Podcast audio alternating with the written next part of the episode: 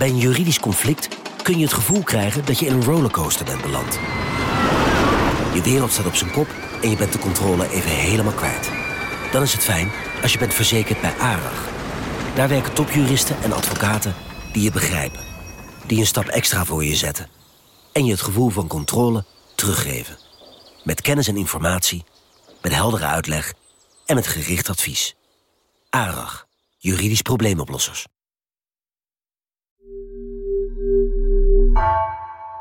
Vanaf de redactie van NRC vertellen we je elke dag het verhaal van de dag. Bijna 500 verhalen kwamen er al voorbij. Nieuwsverhalen die raken, verrassen en iets aan het licht brengen. Maar wat gebeurt er na de eindtune? Deze week bekijken we een aantal verhalen opnieuw.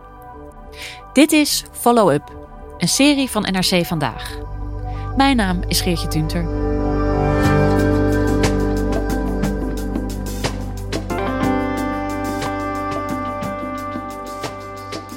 In deze aflevering, hoe gaat het in Wit-Rusland? Vorige zomer leek het erop dat de laatste dictator van Europa, Alexander Lukashenko, de verkiezingen in Wit-Rusland zou verliezen. Maar zover liet hij het niet komen. De wekenlange protesten werden keihard neergeslagen, zijn opponent vluchtte naar het buitenland en Lukashenko begon aan zijn zesde termijn, alsof er niets gebeurd was. En toen werd het stil.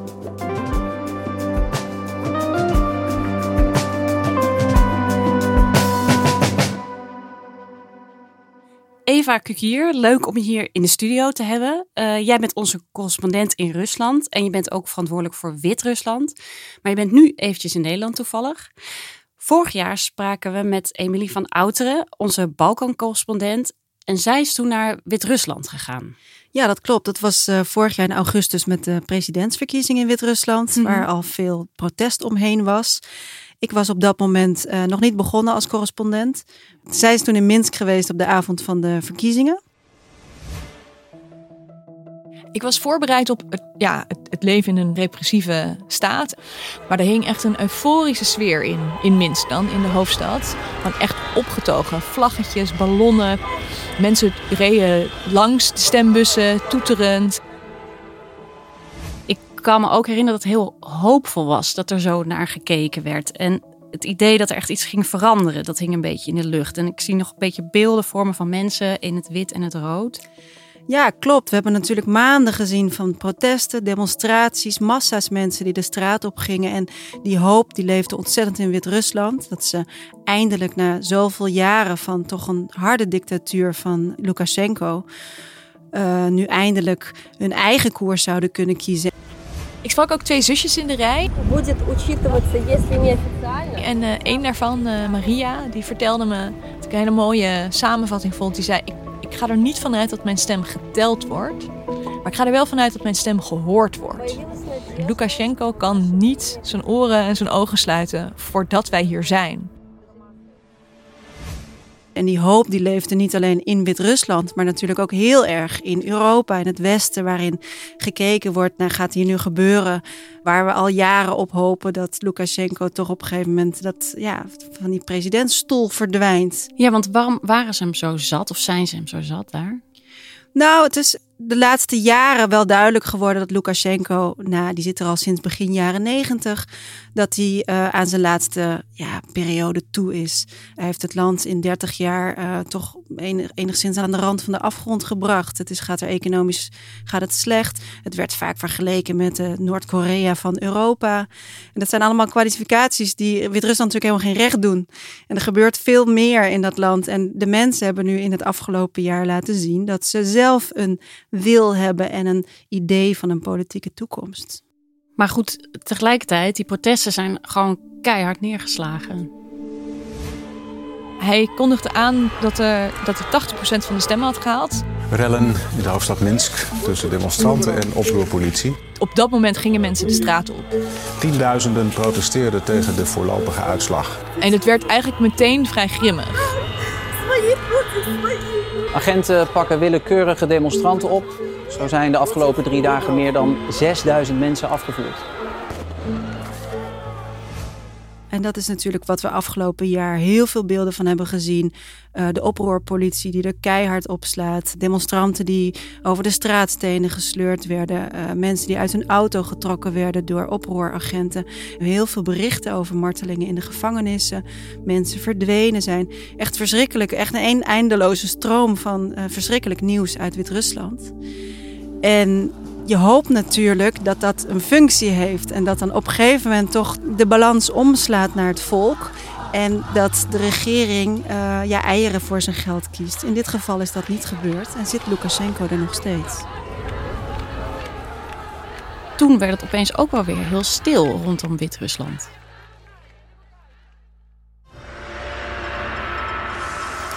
Goedenavond. Een noodlanding in Wit-Rusland. Totdat er natuurlijk iets heel opmerkelijks gebeurde.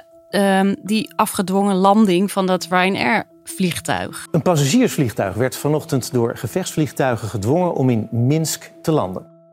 Ja, dat was echt. Ik denk dat we daar allemaal met enorme verbazing naar hebben gekeken. Wat er die zondag, dat was eind mei, uh, gebeurde. Er was een lijnvliegtuig onderweg van Athene naar Vilnius. Waarin een uh, Wit-Russische, bekende Wit-Russische activist en journalist zat. En ineens wordt dat vliegtuig vlak voor de grens met het Litouwse luchtruim, maakt dat vliegtuig rechtsomkeert en landt dat in Minsk. En uh, wordt die journalist door de KGB, de geheime dienst van Wit-Rusland, uit het vliegtuig gewerkt en opgepakt. En deze jonge Roman Pratasevich, die werkte voor een kanaal op Telegram, dat is een chat-app. Mm -hmm. uh, dat heet Nechta en opereerde vanuit Polen. En Nechta had een belangrijke rol in het uh, oppoken, het gaande houden van de protesten in Wit-Rusland. En functioneerde ook als een uh, ja, soort facilitator. Dus er werd uh, op dat kanaal gedeeld waar je heen moest, waar de demonstraties waren, waar de oproerpolitie zich bevond. Dus het was een, uh, voor Lukashenko een vervelende stoorzender, zeg maar letterlijk. Maar dat je dan zo ver gaat dat je een journalist op zo'n spectaculaire, absurde wijze uit een gekaapt vliegtuig sleept en in de gevangenis gooit. Ja, dat laat wel zien uh, dat Lukashenko contact met de realiteit enigszins mm. kwijt is. En, je laat zien, en dat zie je ook in zijn toespraken en in zijn tirades op de televisie, dat hij ja, in een hele parallele werkelijkheid lijkt te verkeren.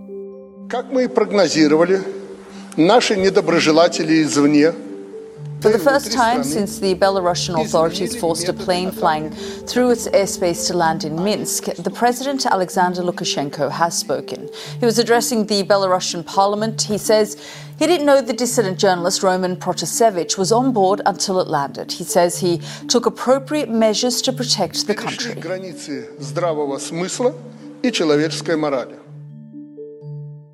En wat je ook ziet uh, na de arrestatie van Protasevich, terwijl de hele wereld in een soort van verbijsterende ontreddering naar Wit-Rusland kijkt, wat doet Lukashenko? Die neemt nog eens een keer een extra harde mediawet aan, waarin de media nog, nog verder wordt afgeknepen en waarin het nu bijvoorbeeld verboden is om überhaupt over demonstraties nog maar te schrijven. Ook is het nu verboden om onafhankelijke opiniepeilingen te publiceren. Dus op allerlei vlakken is ja, de media is eigenlijk gewoon de facto. Uh, ja, onklaar gemaakt.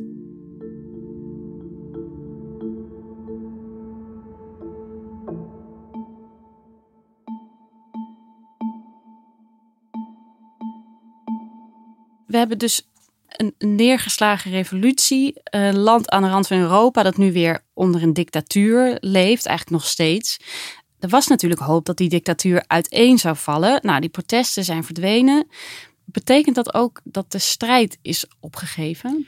Nee, absoluut niet. De repressie is natuurlijk ontzettend effectief geweest. Maar dat betekent zeker niet dat de protesten echt verdwenen zijn. Maar uh, de strijd is zeker niet opgegeven. Hij is verplaatst. En uh, hij is onzichtbaarder geworden daardoor. De strijd wordt gevoerd eigenlijk door één belangrijke persoon. Die wij denk ik allemaal dit jaar hebben leren kennen. En dat is natuurlijk Svetlana Tiganovskaya. I saw the intention of Belarusians to fight for their rights. They wanted changes. De oppositieleider, uh, de kandidaat tegenover Lukashenko bij de verkiezingen. En uh, zoals we denk ik wel kunnen aannemen, ook ja, degene die de presidentsverkiezingen heeft gewonnen. Do you consider yourself as the legitimate president of Belarus? You know, we don't have proofs, like legal proof, because everything was destroyed. But we know whom people voted for, and it's, it, it is me. Haar verhaal, heel kort, is haar man was eigenlijk hè, een bekende blogger, politiek activist. Die was kandidaat voor de presidentsverkiezingen. Hij werd gearresteerd al ruim voor de verkiezingen. En vervolgens heeft zij een soort opwelling, heeft zij in plaats van haar man zich verkiesbaar gesteld tegenover Lukashenko. En Lukashenko die dacht van nou, zo'n vrouw, ja, laat maar toe tot de verkiezingen, want daar hoef ik toch niks van te verwachten. En uiteindelijk bleek dat zij met glans daar toch die overwinning heeft behaald. In a democratic system, I would be now talking to the president of Belarus. Absolutely. Yeah. You are talking to the president of Belarus. En vlak na de verkiezingen moest zij vluchten met haar twee kinderen. En ze is net als heel veel andere uh, Wit-Russen is ze naar Vilnius gegaan. Dat is de hoofdstad van Litouwen, buurland van Wit-Rusland. Dat ligt maar uh, 100 kilometer verderop. En uh, Litouwen is eigenlijk verworden tot een soort bolwerk van de Wit-Russische oppositie de afgelopen jaar. En Tiganovskaya die is daar uh, neergestreken met haar um, campagneteam, met haar mensen. En ze is een hele bescheiden, hele rustige, kalme vrouw. Redelijk zelfverzekerd, maar iemand die ook deze functie niet heeft gekozen. En dat ook wel onderstreept. I never wanted to do any of this. I wanted to be a mom and a wife. Maar uh, wat ik wel uh, moet zeggen is dat zij een enorme indruk maakt. En dat zij van toch een hele bescheiden vrouw in de schaduw, een huisvrouw, ja, zich, zich heeft opgewerkt tot een, ja, echt een, tot een leider. But by fate and the will of my people, I was elevated to, to this position. And I accept this with a sense of duty and pride. En hoe ziet haar leven er nu uit? Tiganovskaya zit heel veel in vliegtuigen. Ze reist heel Europa door van hoofdstad naar hoofdstad, waar ze veel overleg voert uh, met Europese leiders. In the prisons, they were tortured, harassed and raped.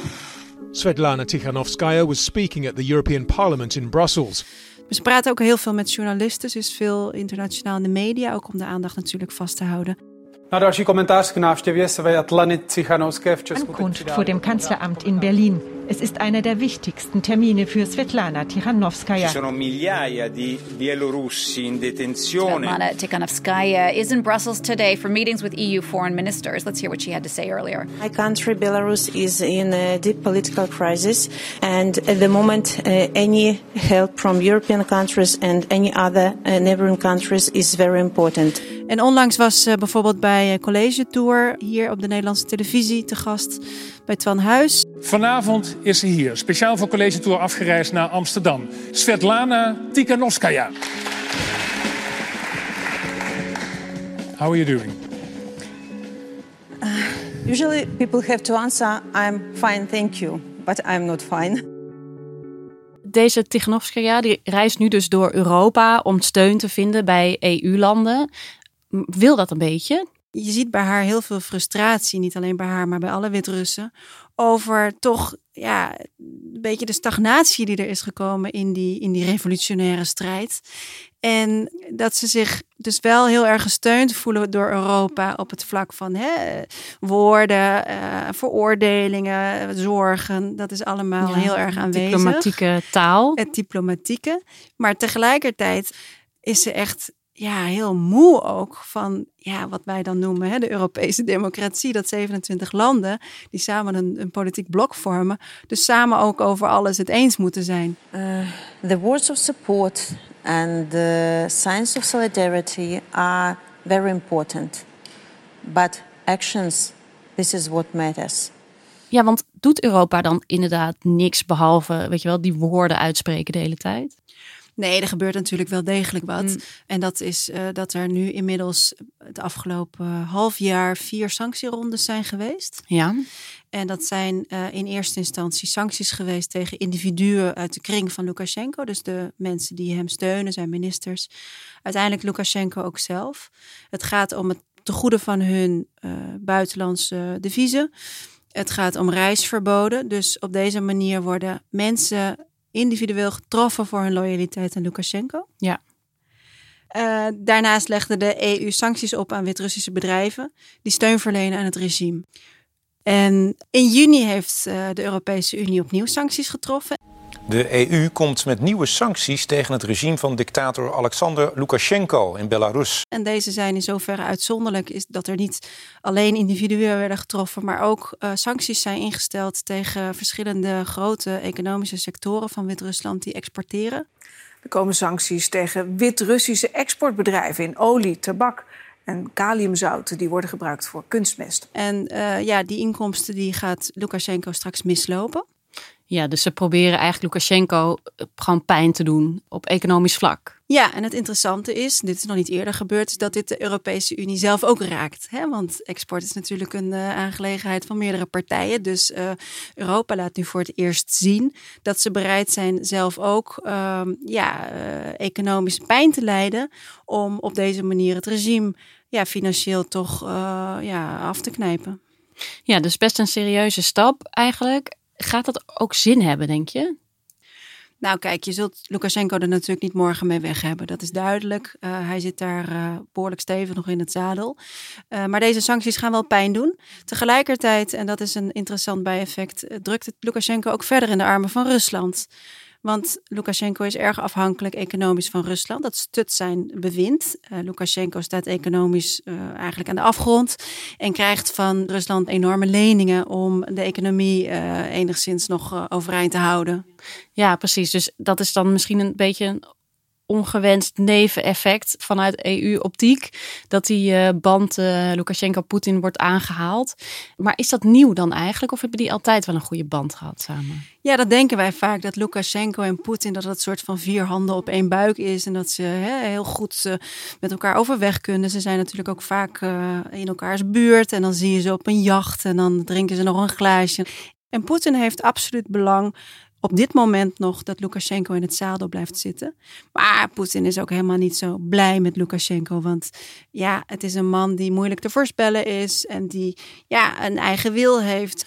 Uh, dus ja, Poetin die voert de druk op en doet dat ook uh, door te dreigen. Hè? Kijk naar de westerse sancties. Uh, je zult nu toch meer concessies aan ons moeten doen. Je zult meer ja, moeten doen wat ik zeg. Ja, stevig staaltje machtspolitiek. Ja, absoluut. Het is uiteindelijk toch niet echt een hoopgevend verhaal. Hè? Je hebt de Wit-Russische oppositieleider, of eigenlijk president in ballingschap. Uh, de journalist is opgepakt. Uh, sancties die ja, misschien wel wat doen, maar, ja, maar het is niet helemaal duidelijk of ze echt werken. Ja, inderdaad. Het is niet een heel hoopgevend, of het lijkt niet heel erg een hoopgevend verhaal op dit moment. Er is een soort stagnatie en iedereen wacht totdat er een doorbraak komt in, in deze situatie. En ja, ik denk dat dit in ieder geval heel erg laat zien dat verandering, politieke verandering in een land dat al zo lang zo geïsoleerd is, heel langzaam gaat. En uh, dat we daar ook ja, misschien een beetje naïef in zijn geweest, zeker als buitenwacht. Het regime van Lukashenko is zoveel weerbarstiger en, en moeilijker uh, te breken dan uh, mensen hoopten. geduld is hier, denk ik, de belangrijkste factor. You know, people are very scared in Belarus now, very scared. They have to step over their fears every day and do a little bit just to, to, that moves us to our victory. Even the smallest step is important because you are not the only who is fighting. There are millions of us, so it will be millions of steps. De tijd zal het leren. Dat klinkt een beetje zuur, maar in dit geval denk ik dat geduld wel een hele belangrijke factor is.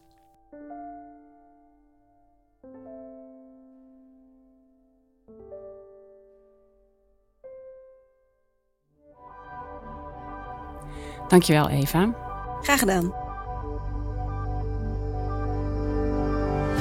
Dit was Follow Up, een serie van NRC vandaag. Deze aflevering werd gemaakt door Allegria Ioannidis, Misha Melita en Ruben Pest. Morgen hoor je in follow-up over negatieve rente. Twee jaar geleden leek dat nog een bizar economisch fenomeen. Nu zijn we er een beetje aan gewend geraakt. En misschien zelfs wel verslaafd, ziet economieredacteur Maarten Schinkel. Moet onze economie naar een afkeerkliniek? Ja, ik, ik zou bijna durven zeggen dat we een soort van, van rentejunkies aan het worden zijn.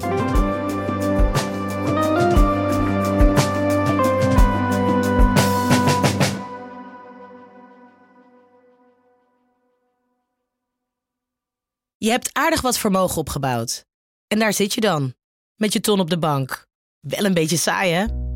Wil jij, als belegger, onderdeel zijn van het verleden of van de toekomst? Bridgefund is een slimme fintech die een brug slaat tussen de financiële behoeften van ondernemers en van beleggers. Dus wie belegt bij Bridgefund krijgt niet alleen een mooie vaste rente, maar brengt ook ondernemers in beweging. Echt waar, met die ton kan je zoveel betere dingen doen. Bridgefund.